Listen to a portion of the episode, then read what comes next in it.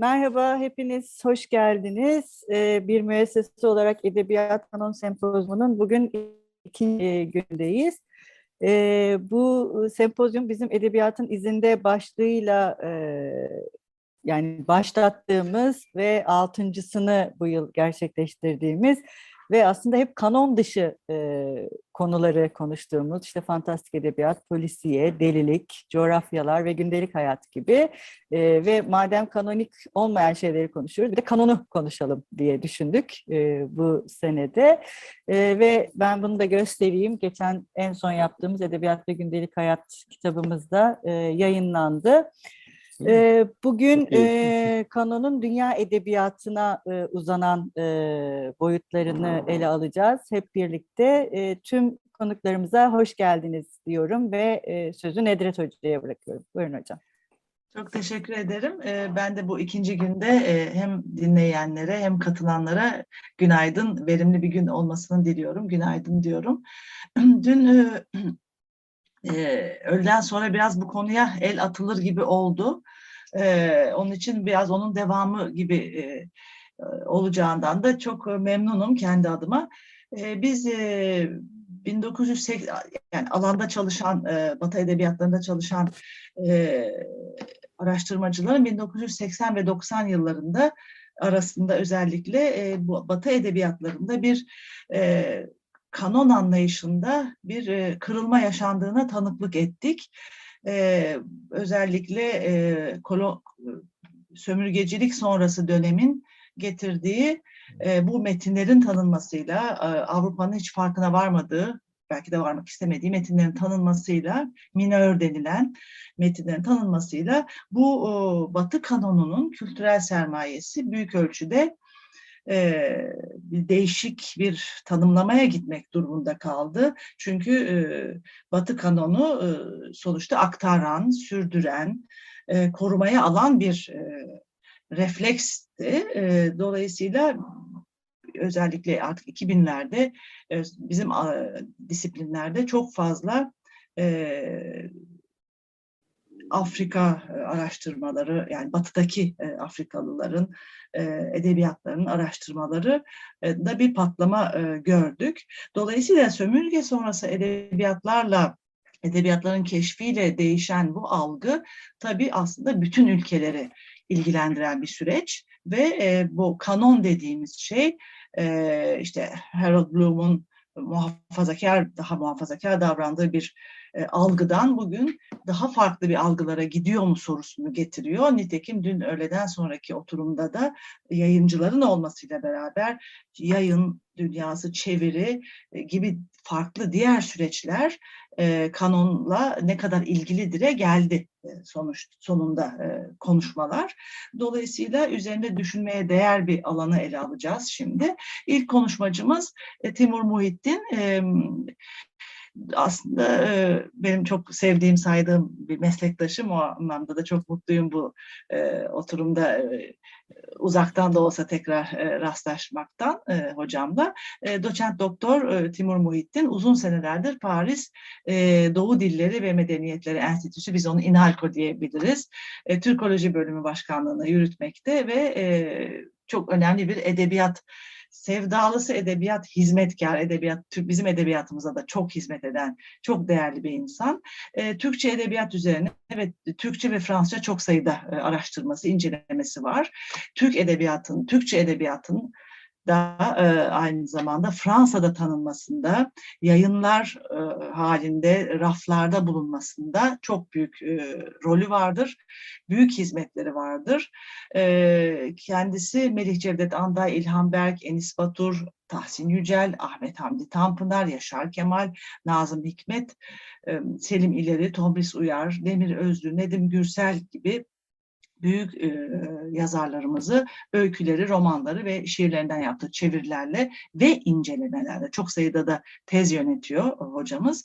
E, Fransız e, edebiyat ortamına da tanıtmaktadır, tanıtmıştır. E, bazı çalışmalarını anmak gerekirse Türk Edebiyatı'nda Paris, e,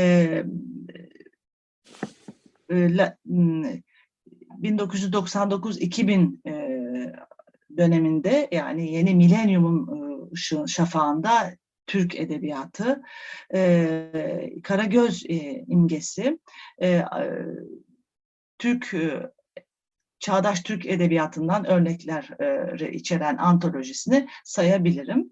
E, evet Timur Bey söz sizde.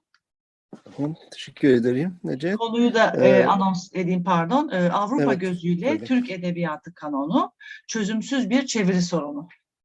Teşekkürler. Evet. Evet, uzaktan ben de e, günaydın e, söyleyeceğim yani hepinize. E, Şimdi evet bu konuya geleceğiz. E, Evet. Okuyacağım tabii ki. Evet, çözümsüz bir çeviri sorunu dedim yani başlıkta. E, 19. yüzyılın sonlarında milli fikrin ortaya çıkmasıyla bağlantılı Ardından 1908 yılından sonra yeni bir devletin inşasına e, giren Türk Edebiyat Kanunu ki tarih kitapları ve edebiyat kılavuzlarından oluşuyor. Bu edebiyatın ilk tarihçeleri yüzyılın sonunda ortaya çıktığında çıktığından pardon tek dilli bir ulusal edebiyat aktarıyor. Servet-i Fünun'un ve ardından da Türkçü akımının izleyicilerinin işaretidir. Mesela Şehabettin Süleyman, Faik Reşat falan bu e, bilimin ilk isimlerinden. Fransa'da e.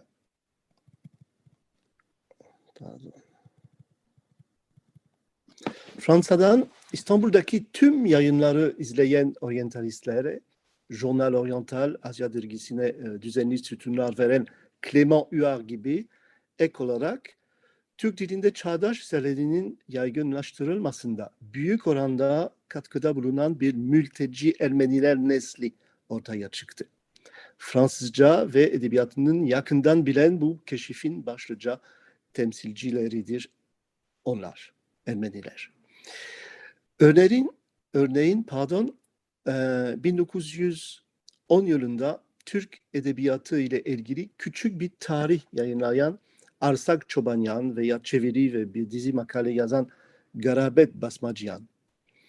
Öte yandan Türk Aşk Şiirleri antolojisini 1905'te hazırlayan Abdülhalim Memdu, tanınmış bir Jön Türk yazarı ve gazetecisi ve uzun zamandır İstanbul'da ikamet eden İsviçreli yazar Edmond Fazi ile beraber hazırladı. Bu hala sınırlı yayınlar çağdaş Türk edebiyatının ilk e, bizde ilk versiyonunu e, sunmaktadır. Bu e, doğmakta olan kanona göre Türk edebiyatı nedir? Müslüman Türk yazarların yazdığı metinlerden oluşan bir korpüs. Ulusal olandan daha dilsel ve edebi kavramlarıyla, kavramlarıyla bir Türklerin edebiyatı görünmeye başlıyor. Daha sonra Nazım Hikmet'e keşfedilmesine kadar bu ilk korpusu çok az değiştireceğini ve ne- neredeyse tüm mevcut ansiklopedilerde Fransızca olarak bulunca, bulunacağını göreceğiz. 1980'lerin ortalarında Avrupa ve Amerika'daki yazar ve araştırmacıların daha iyi bir şekilde dolaşmasına olanak sağlayan değişikliklerden bu yana Türkiye'den veya başka bir yerden gelen çok sayıda araştırmacı bu kanonu kimlik ve ulusal efsaneler üzerine yaptıkları çalışmalarla sorguladı ve zengin, zenginleştirdi. Edebiyat gazetecileri arasında Batı akademisyen çevrelerinde Türk edebiyatının daha geniş bu şekilde algılanmaması, algılanması gelişiyor. Ee, kurgu metinlere ilk ilgi çok erkeksi bir kanon tarafından uzun zamandır sessizlik altında geçirilen kadın yazarları yeniden dönemleme düşünmesi vesaire. Bugüne bugüne kadar pardon hala mevcut değil ancak bu uluslararası bir bakış açısıyla kabul edilen edebiyat tarihine dair bilgilerimiz açısından Türk ve diğer dillerdeki Osmanlı İmparatorluğu ve Cumhuriyet'in üretilen, diğer dillerdeki üretilen eserler kapalı bir taraf olarak değil.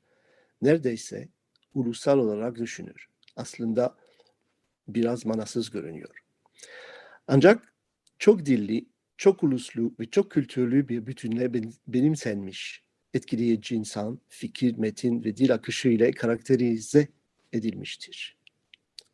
Ee, tırnak içinde bu alıntı Osmanlı toplumu yan yana bir yaşam sanatı geliştirmiş olsa da birlikte yaşam sanatıyla çok daha fazlasını oluşturmuştur. Birlikte yaşam sanatıyla çok daha fazlasını oluş- oluştu- oluşturmuştur. Ee, şimdi Türkolog Johann Strauss'un bir alıntısı veriyorum. Ee, modern tarihçiler Batı Avrupa'nın ulusal edebiyat kavramına göre her biri için ayrı bir edebiyat kimliği oluşturma eğilimde. eğilimde. Edebiyat tek bir dilde bir ulusun üretimiyle sınırlıdır. Kanon elbette orijinal çalışmalardan oluşur ve Batı'da roman drama geliştirilirken farklı türlerin örneklerinin altını çizir. Osmanlı İmparatorluğu'nu çok özel özellikleriyle yaptığı edebiyat faaliyetleri bu modele uymuyor ve bu nedenle dikkate alınmıyor. Ee, toplulukların imparatorluk, imparatorluktaki azınlıklar Türk devletin devletinin daha çok Ermeni, Yunan, Yahudi vesaire yazılı dillerini ve bu grubun gru- bu grubun dilinde yazılmış ulusal oluşum ile edebiyat arasındaki ilişkiyi dikkate almalı. Bu incelenen ve dikkate alınan çalışmaların değerlemenin korpus önemli ölçüde artırır. 1990'lardan e, bu yana bazı Türk üniversitelerde yürütülen çalışmalarla da artırır. Muhtemelen yabancı okullar bunu daha ilginç bulur. Bugün özellikle Fransa'daki metinlerin alınmasıyla tabii ki tercümeler yoluyla ilgilen, ilgileneceğim. Ayrıca burada makaleler, ön sözler, antolojilerde yapılan, yapılan seçimler ve başka bir kanonun oluşturmasına şekliyle de ilgileneceğim. Birinci bölüm. Yurt dışında gayri resmi bir edebiyat tarihi yazmak. Fransa'da Türk edebiyat arazisinin kurulmasında birkaç aşama ve belirli bir dağıtım da ön saflarda. Ee, 1905 yılında bin- 1935 yılları arasında Mercure de France, Mercure de France dergisinin kronikleri Reşat Nuri Darago e, bulunuyor. Fransa'da olduğu gibi Türkiye'de unutulan yazar 1910 ile 1940 yılları arasında edebiyat alışverişi sanatının başlıca temsilcisini biriydi. Aynı dönemde İstanbul'da çıkan Revue Oriental, Adolphe Talasson'un son nesil Türk yazarlarına yer verip modern tarzın yayılmasında önemli bir rol oynar. Aynı yıllarda yeni Türk edebiyatının keşfedilmesine e, yalnızca Fransız Türkologu Edmond Saussay katkıda bulundu. Onun Çağdaş Türk Yazarlar Antolojisi 1935 e, 30 ve benzeri yazarlarla ilgili çok zengin bir ön söz ve ayrıntılı notlar ile tamamlandı. Tamamlandı. 1940'lı yıllarda İstanbul'daki Fransızca gazeteler devralacaklar. Alımlama düşündüğümüzden çok daha iyi.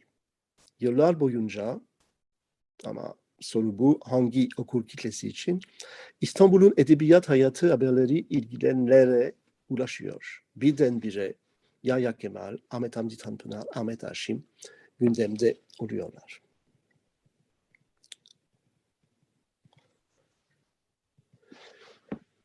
Türk Edebiyat Kanunu'nun Fransa'da kurulması. 1900-1950 yılının arasında büyük boşluğu Fakat karşılaştırmalı edebiyata önem veren dergilerde Mercure de France gibi veya İstanbul Fransız basınında birçok makale yazılır. En çarpıcı şey uluslararası yankı almaya başlayan önemli romancılar için ilgi eksikliği olmaya devam ediyor. Halide Edip, Yakup Kadri, Jacques Nuri Güntekin mesela ya da Almanya'da belirli bir yankı toplayacak olan Peyami Safa. Bu Türkiye e, hakkında konuşuyorum. Bu büyük şiirsel geleneğiyle ünlü bir ülkede Türkiye modern bir edebiyat doğuşunu görme isteksizliğinin işareti olduğuna şüphe yok. Hiç kimse istemedi aslında. Siyasi değişiklik, Kemalist Cumhuriyeti, propaganda dışında hiçbir şeyin genel basının e, ilettiği olmadığı bir ülkenin karşısında opak bir perde tutmaya yardımcı oluyor. Ee, Nazım Hikmet ve e, tutkulu alımlala, alımlamanın keşfi. Onun. Fransa'da komünist aydınlar Aragon en önde ve bir dönemin e, amblemli şair tanıtımı tanıtımını yapmak için çalışan bazı yayın evleri olduğu hatırlanabilir. Büyük bir olgu aslında. Bu dönemde tartışmanın uluslararası hale getirilmesi gerçekleşti. Kanon değişti. Bir Türk yazar genişçe çevrildi ve iki kültürel e, bloklara, sosyalist ve kapitalist hem de Avrupa'ya algılandı. Bundan birkaç yıl sonra 1960'lı yılların ortalarında Türkiye e, köylü bir romancı e, gösteriyor. Yaşar Kemal. E, büyük bir romancı e, ortaya çıkıyor. Ama bir illüzyon gibi o evi e, Fransız okuru sadece e, o olduğunu düşünüyor ve 30 yıl sürdü. Yaklaşık 30 çeviri Fransızcaya getirdi. Ee, ben yani e, söyleyebilirsem biraz e, e, fazla e, fazlası bir yer almaya başladı. Son olarak Orhan Pamuk'un 1980'lerin genç romanlarıyla ilişkili çağdaş edebiyatı temsil ettiği sahneye çıktı.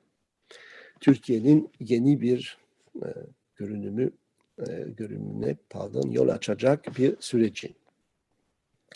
Kara kitabın zengin edebiyat yazımı ve kent soylu ortamları e, Fransız okulları bir çeşit yani bir e, şekilde memnun eder yani.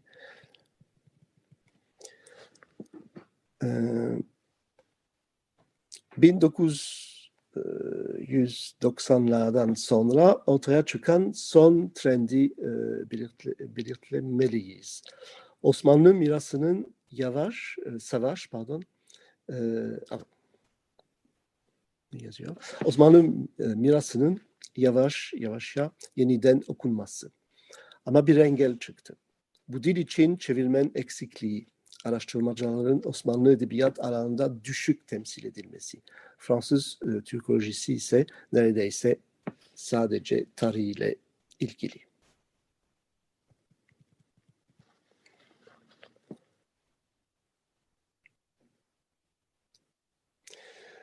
Ee, ilk sonuç yani bu e, bölümün sonucu sık sık e, tercüme edilmiş olsalar bile çok sınırlı sayıda metin seçici, seçeneğimiz var. Görüş çok kısmi ve bu nedenle neredeyse yok. Osmanlı Edebiyatı. Şimdi üçüncü bölüm Avrupa'da farklı bir edebiyat kanunu.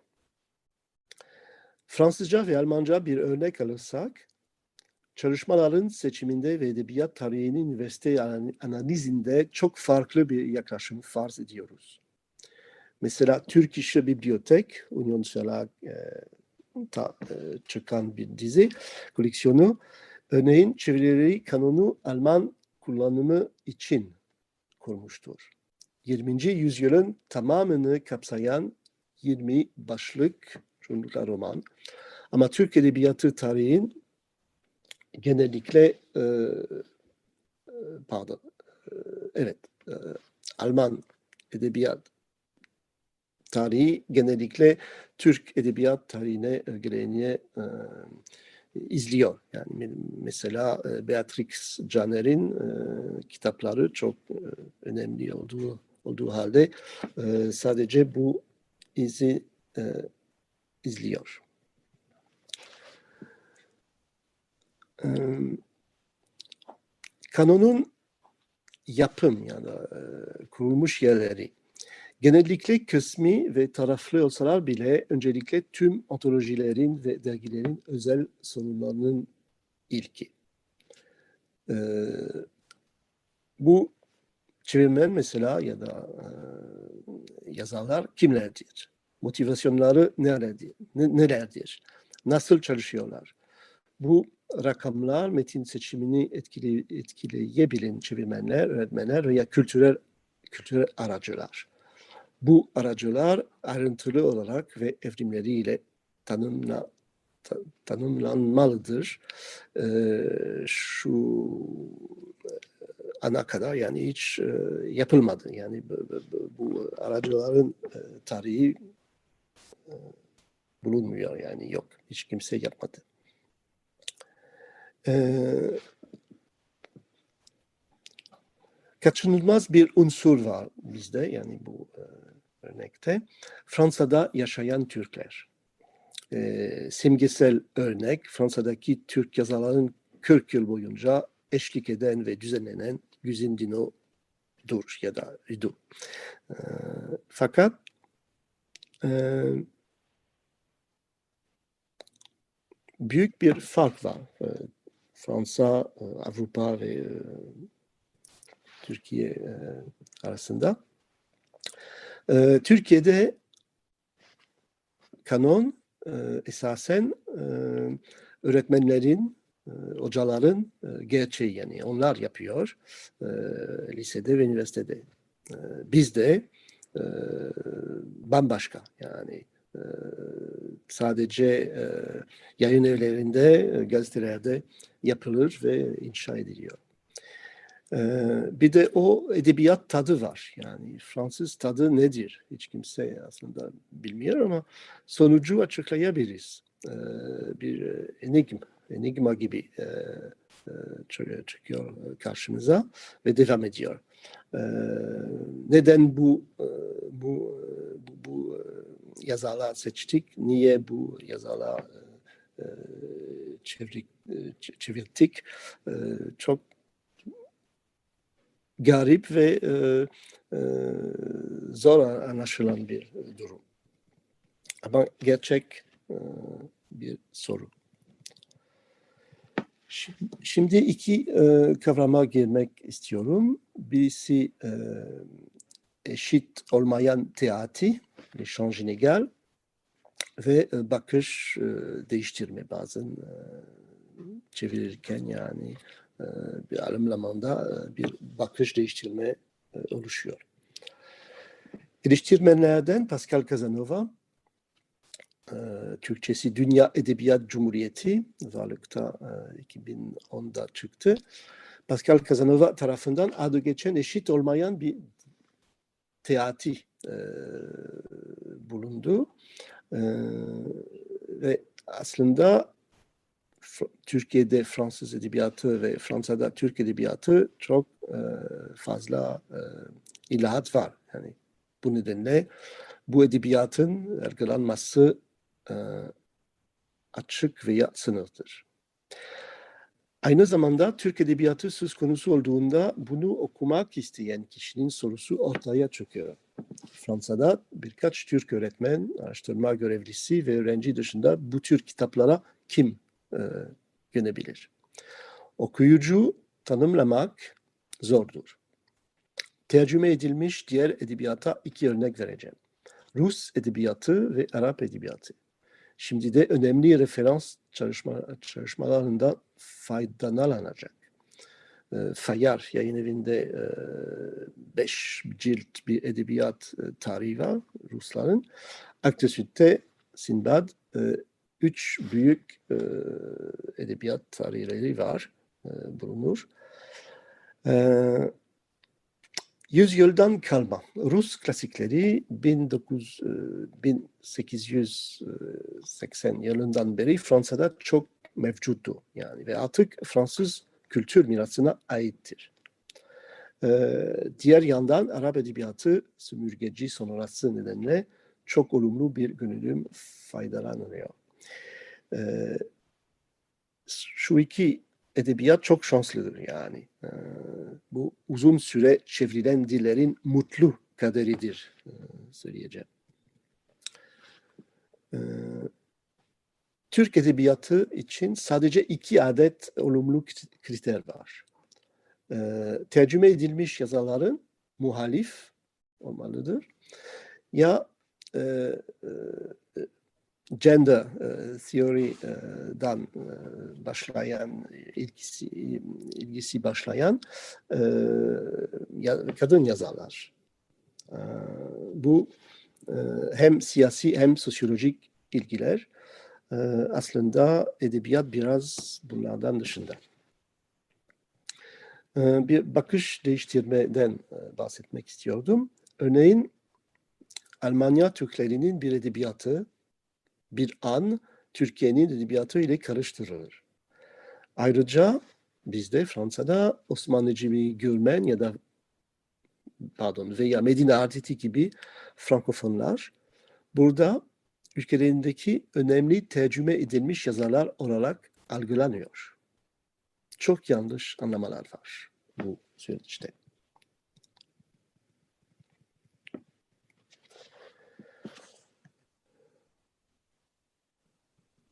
Şimdi sonuç olarak e,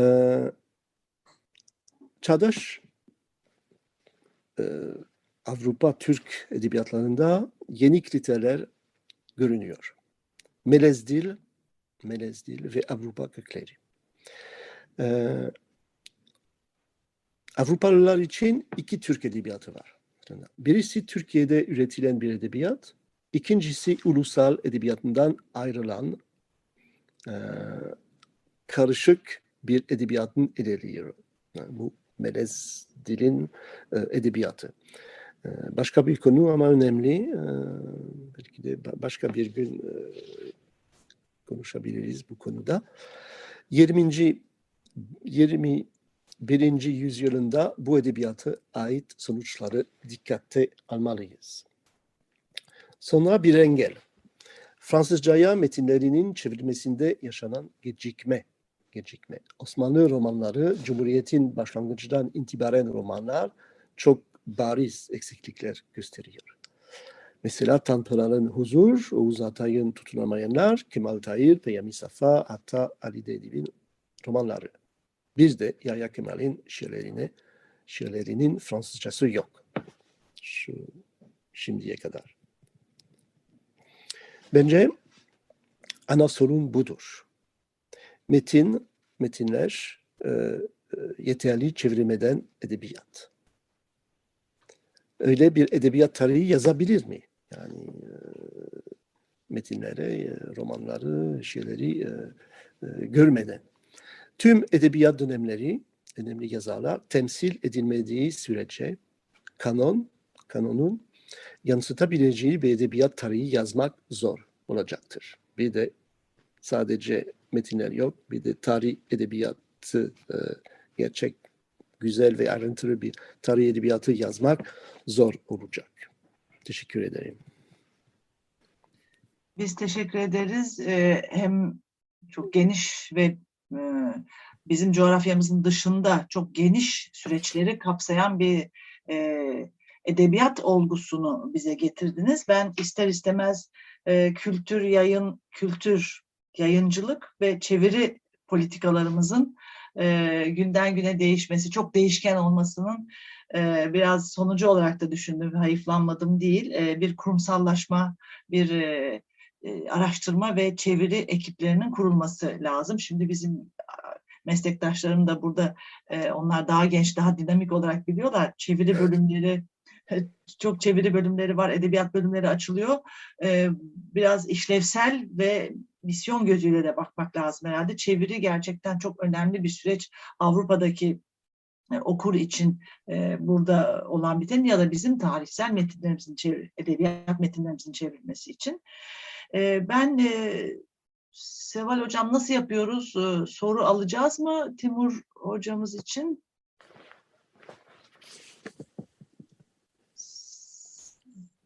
Herhangi bir soru varsa alalım çünkü sanıyorum bir e, yol e, yola Evet, çıkma evet. durumundasınız. Bordo'ya. E, herhangi bir Hocam Timur Hoca e, ayrılacağı için eğer Ha, Timur Hoca'ya bir mi? soru varsa onu Tabii. alabiliriz ama YouTube'da- doğrudan Hoca'ya YouTube'dan da kontrol ediyoruz. Şu anda bir soru görünmüyor. Bak Seval da- daha sonra e, gelirse e, yazılı olarak cevap verebilirim. Yani Olur, isterseniz. olur. Tamam. Olur. Bir Tamam. ma- maille yani problem yok. Evet. Olur. Çok, teşekkür te- ediyoruz. Çok teşekkür olun. ederiz. E, Sizi teşekkür Bey. ediyorum yani. Çok hoştu. Teşekkürler. çok teşekkür ederiz.